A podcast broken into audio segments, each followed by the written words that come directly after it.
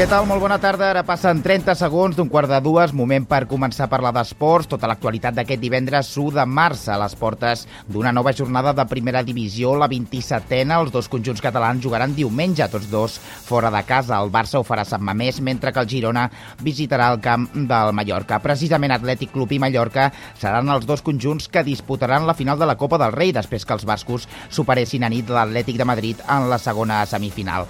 També hem de parlar de bàsquet. Avui Barça-Mónaco al Palau, partit d'Eurolliga, amb l'al·licient del possible debut de Ricky Rubio amb la samarreta blaugrana l'endemà de la classificació històrica de l'Uni Girona per les semifinals de l'Eurocup femenina i l'endemà de la derrota de les Champions del Barça d'handbol a la pista del Magdeburg. Tot plegat el dia que arrenca el Mundial d'Atletisme en pista coberta a Glasgow amb una àmplia representació catalana. De seguida en parlem d'aquestes i altres qüestions. Abans rebeu la salutació de l'Albert Vaques i l'Ester Bagés a les vies de so i del José Gil a la realització. Us parla Joan Seixas.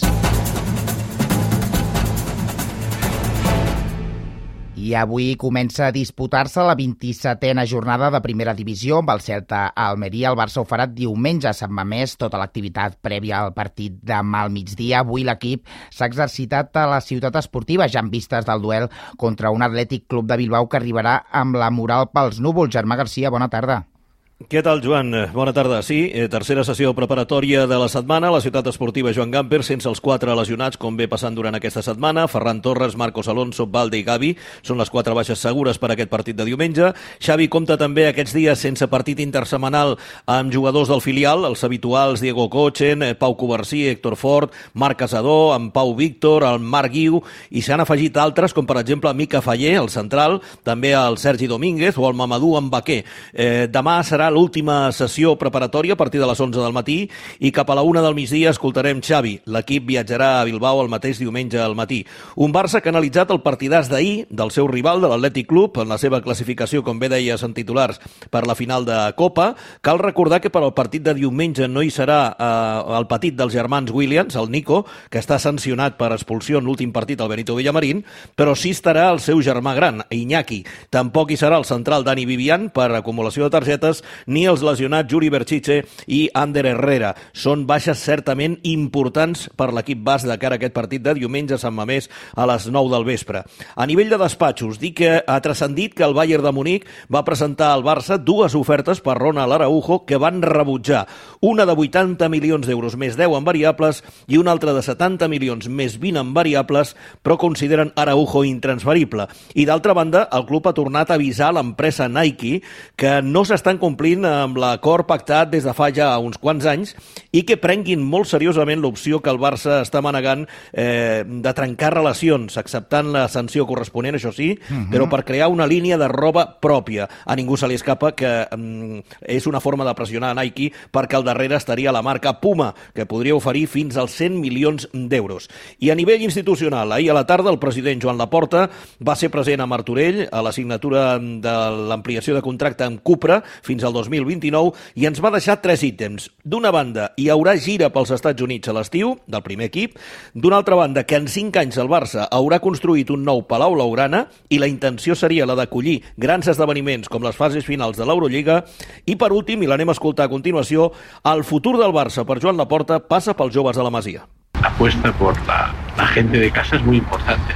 Siempre el Barça ha sido, digamos, campeón, ha tenido éxitos, porque estoy de acuerdo que somos competitivos y esto forma parte de las esencias nuestras de Cupra y del Barça en ser competitivos. Siempre hemos tenido éxito cuando el equipo ha estado formado mayoritariamente por gente de casa con refuerzos de primer nivel. Doncs això és el que deia ahir Joan Laporta, com et deia, a nivell esportiu. Demà esperarem a escoltar Xavi Hernández cap als vols de la una del migdia. Doncs així estan les coses a Can Barça. Gràcies, Germà, bona tarda. Bona tarda. Demà al migdia, com deia en Germà, escoltarem a Xavi Hernández en aquesta prèvia a l'Atlètic Club Barça, dos rivals directes del Girona en la lluita per places de Lliga de Campions. Un Girona que, com avançàvem ahir, ja ha rebut el vistiplau per iniciar les obres del nou centre d'entrenament. Josep Guardiola, bona tarda. Bona tarda. Tal i com explicàvem ahir en aquesta mateixa hora en aquest informatiu, ahir a la tarda l'Ajuntament de Vilablareig va donar llum verda per la construcció de la primera part de la nova ciutat esportiva del Girona Futbol Club. Va quedar explicar que aquesta primera part del projecte consta de dos camps de futbol més instal·lacions provisionals que han d'encabir gimnàs, vestidors i sales de treball per al cos tècnic del conjunt gironí. Les obres que començaran aquest dilluns de manera immediata tindran una durada de 5 mesos, amb la qual cosa la pròxima pretemporada el Girona ja treballarà en aquestes noves instal·lacions. Així ho ha certificat avui el president de l'entitat del Figeli. A l'estiu, a l'inici de la propera temporada, l'equip pugui començar a entrenar aquí. És un pas estratègic per al creixement de la nostra entitat, en un lloc privilegiat on tots els nostres eh, equips i jugadors tindran les millors condicions per al creixement del seu talent. Mentrestant, a nivell esportiu, els gironins acaben de preparar el partit que jugaran en diumenge al camp del Mallorca. Es trobaran un rival eufòric després de la seva classificació per la final de la Copa del Rei, un partit en el qual els gironins buscaran 3 punts més que els acostin una mica més al seu objectiu de tenir una plaça a la Champions la pròxima temporada.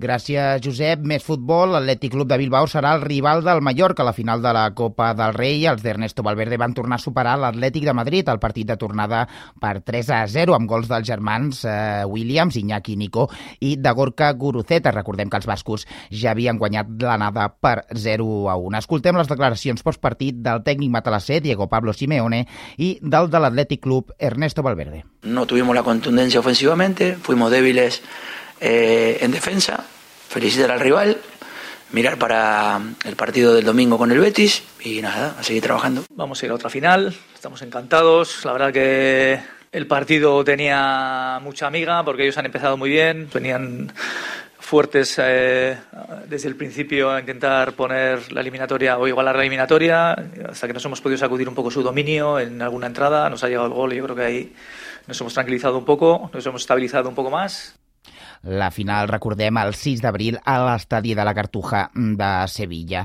A la segona divisió, avui comença la 29a jornada amb l'Sporting de Gijón Albacete a dos quarts de nou, demà un quart de cinc, torn per l'Espanyol, que rebrà l'Osca amb l'objectiu de continuar la bona dinàmica amb una victòria que el permeti mantenir la segona posició d'ascens directe. El tècnic blanc i blau Luis Miguel Ramis espera sumar la tercera consecutiva. És molt important sumar uns altres tres punts, eh, pocs equips són capaços de sumar tres victòries consecutives i demà tenim eh, l'opció. Per tant, eh, en, aquesta, en aquesta estem tota la setmana havent-ho disfrutat després del partit, lògicament, a Eibar, no? Una i 23 minuts, moment per obrir plana poliesportiva.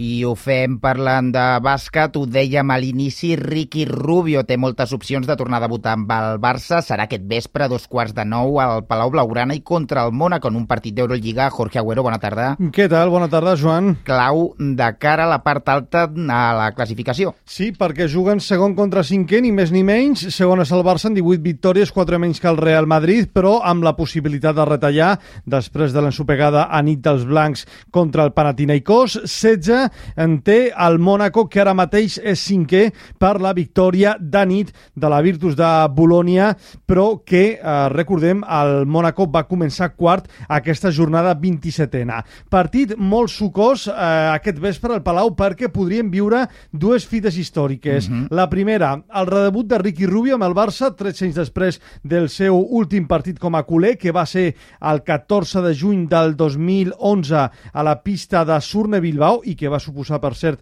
el títol de Lliga per a l'equip que llavors entrenava Xavi Pasqual, i l'altra fita històrica seria el rècord de punts a la història de l'Eurolliga que aquesta nit Mike James podria batre. Si tingués la nit també cal dir que confiem que no, perquè el base nord-americà del Mónaco està a 29 punts de batre aquest rècord que avui dia manté el jugador, l'exjugador grec Basilis Spanoulis. Tornant al tema de Ricky, recordem que ja l'hem vist de curt amb la selecció en dos partits la setmana passada i tot i que Grimau ahir va jugar al gat i la rata deixant-lo tot obert fins a la publicació del roster aquest vespre, també Grimau admetia això. Él está preparado para para ayudar, como ha dicho siempre, para ser uno más, para, para sumar y que, aport, que, que, aportará en el momento en que empieza a jugar. Pues, pues ¿qué te voy a descubrir de, de, Ricky? Uh, sobre todo su humildad, trabajo y sobre todo lo más importante es que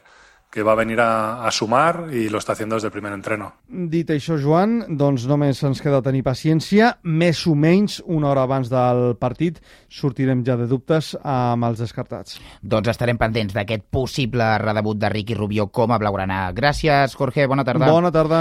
I encara en bàsquet, l'Uni Girona disputarà les semifinals de l'Eurocup femenina després de superar el Galatasaray per 81 a 83 a la tornada dels quarts de final. A l'anada ja va guanyar de 13 punts. Una classificació històrica, ja que és la primera vegada que l'equip gironí arriba tan lluny en una competició europea. El tècnic Roberto Iñiguez es mostrava orgullós de l'equip. Muy orgulloso de las jugadoras, creo que se han vaciado, han tenido además foco en lo que había que hacer y bueno, pues este es el camino. Evidentemente esto es un desgaste grande que, que, que, es muy difícil hacerlo cada partido, pero era un partido muy especial para pasar a semifinales. En les semifinals, l'Uni s'enfrontarà al Besiktas, que va eliminar el Montpellier al partit d'anada la setmana vinent a Istanbul, una setmana després el de tornada a Fontejau. I seguim amb competicions europees, en aquest cas d'handbol, derrota ahir del Barça a la pista del Magdeburg en la penúltima jornada de la Champions, una derrota que posposa la classificació pels quarts de final com a primer de grup. Josep Capel, bona tarda. Què tal? Bona tarda. Doncs derrota 29 a 28 a la pista del campió del Magdeburg en un partit igualadíssim que es va resoldre l'últim segon amb un gol de Chris Jansson pels alemanys. Destacant el conjunt blaugrana el bon paper a la porteria de Nielsen, també de Gonzalo Pérez de Vargas, aturant penals a la segona meitat, i l'aportació ofensiva de Dicamem, d'Aleix Gómez, però sobretot del portuguès Luis Frade. Tot plegat insuficient, però davant d'un Magdeburg millor a la represa i que va ser capaç de capgirar el partit. Aquest és l'anàlisi del tècnic dels blaugrana, Antonio Carlos Ortega. Cuando mejor tenemos el partido sobre el papel, cinco goles, cuatro goles arriba, hemos perdido tres balones consecutivos y, esto no ha pasado mucha factura, ¿no? Aún así, ellos han puesto todo arriba, el equipo se ha rehecho y hemos sido capaces de ponernos delante también. Pero al final han tenido una última oportunidad y, y sí ha vuelto a, a, meterla, ¿no? Pero muy orgulloso del equipo porque no es fácil, ellos se jugaban mucho más que nosotros, nosotros tenemos que certificar el primer puesto el jueves que viene i orgulloso del equip. Aquesta és la segona derrota del Barça en 11 partits de la fase de grups que encara encapçala empatat amb el Magdeburg a falta només d'una jornada per l'acabament. Com els Blaugrana van guanyar de 12 al Palau, tenen la valoració favorable, és a dir, que traient el mateix resultat que els alemanys en aquesta darrera jornada en tindrien prou per accedir als quarts de final com a primers de grup. Aquesta última jornada, recordem, dijous vinent, el Barça rep el Montpellier al Palau Blaugrana, mentre que els alemanys visitaran la pista del vespre.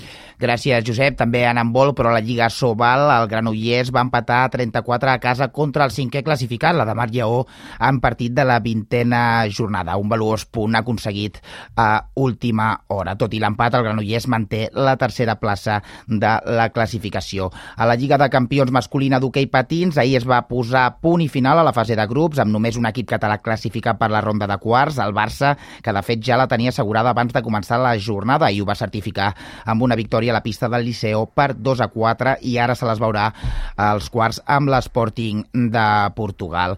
A la Lliga de Futbol Sala, jornada important pels conjunts catalans. L'Indústria Santa Coloma visita a partir de les 9 del vespre la pista de l'Inter Movistar, rival directe en la lluita per les places de play-off pel títol. Demà torn pel líder de la classificació, el Barça, que rebrà el segon classificat al Pozo de Múrcia. I avui comença el Mundial d'Atletisme en pista coberta de Glasgow amb la representació de cinc atletes catalans. De moment, males notícies i és que Maria Vicente s'ha hagut de retirar per lesió quan realitzava la prova d'alçada, la segona del pentatló. Pel que hem pogut saber, es tracta d'un trencament total del tendó d'Aquiles, una lesió que li farà perdre el que resta de temporada i, per tant, diu adeu als Jocs Olímpics de París. Aquest vespre, Tor per Esther Guerrero i Adel Mechal, que disputaran les sèries dels 1.500 metres. És tot pel que fa als esports.